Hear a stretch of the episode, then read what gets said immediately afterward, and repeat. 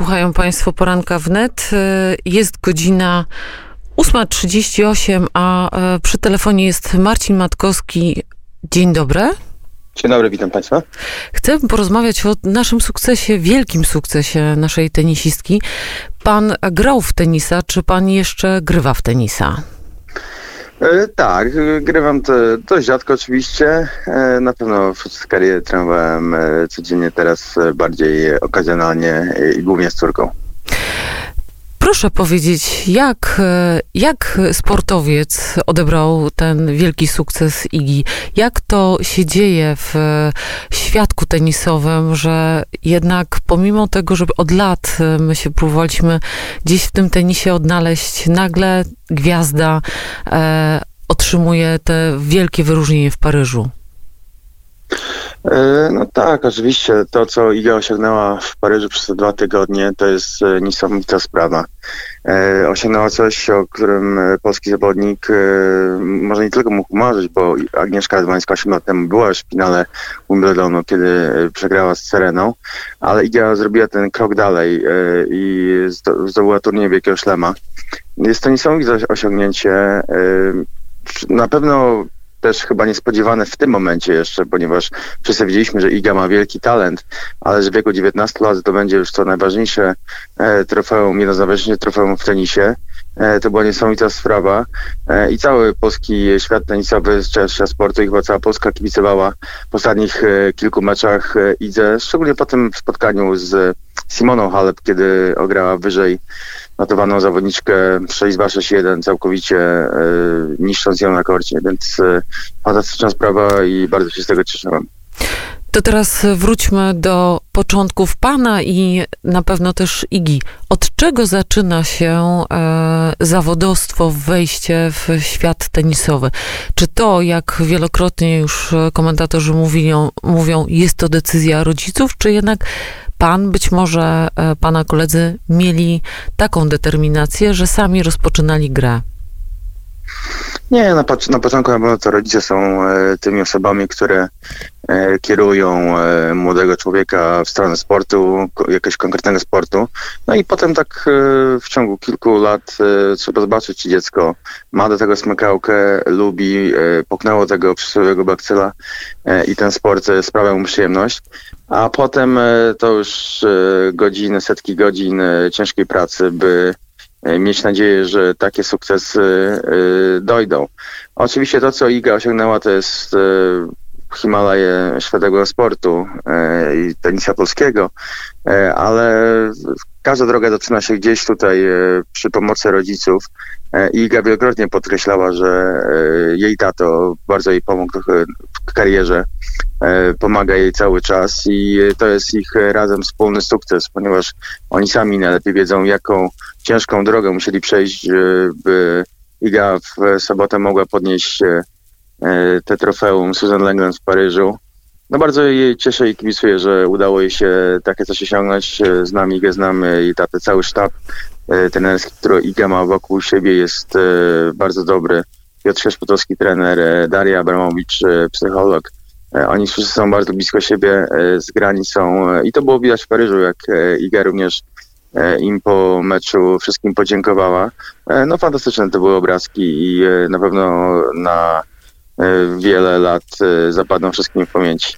To kiedy zacząć e, trenować, kiedy dzieci powinny zacząć grać, żeby miały jakiekolwiek szanse, oczywiście zakładając, że mają potencjał i jakikolwiek talent e, w tym kierunku, od kiedy Pana zdaniem zawodowca e, należy zacząć trenować, żeby dojść do tego poziomu takiej chociażby średniej klasy? Już nie mówię o tak wielkich sukcesach. No tak ogólnie dzieci trafiają do szkółki między 6, 7, 8 lat w takim wieku. E, Wiadomo, na początku jest to bardziej e, zabawa z tenisem, e, ogólnorozwojowy e, trening, nie stricte tenisowy.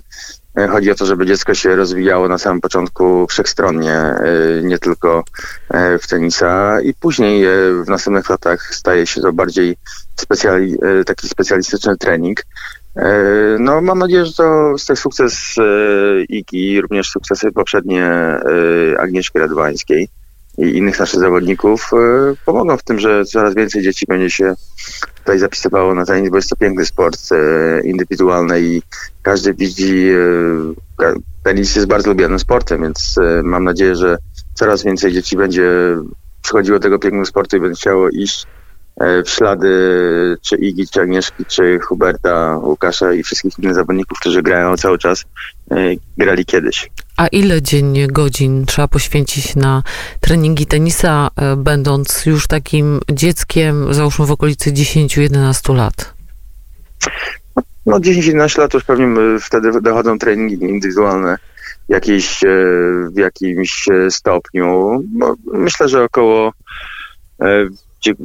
półtorej, dwie godziny tenisa e, dziennie. Oczywiście e, to jest taki zalecany e, trening. Oczywiście ważna jest ogólnozorówka. Nie zapominamy o tym, że tenis jest bardzo wszechstronnym sportem i poruszanie się na korcie, wytrzymałość fizyczna, wszystko jest to wpływające na wynik tenisowy, więc często pokusa, która jest u niektórych dzieci, rodziców jest, żeby postawić na trening tenisowy, który szybko może przynieść wymierne efekty w postaci wygranych turniejów, dobrego rankingu, e, jednak zapominają czasami o tym, że rozwój wszechstronny i przede wszystkim ogólnorozwojowy, motoryczny jest e, tak samo ważny, a jeżeli nie ważniejszy e, u zawodnika, jeżeli chcesz, żeby miał karierę zawodową.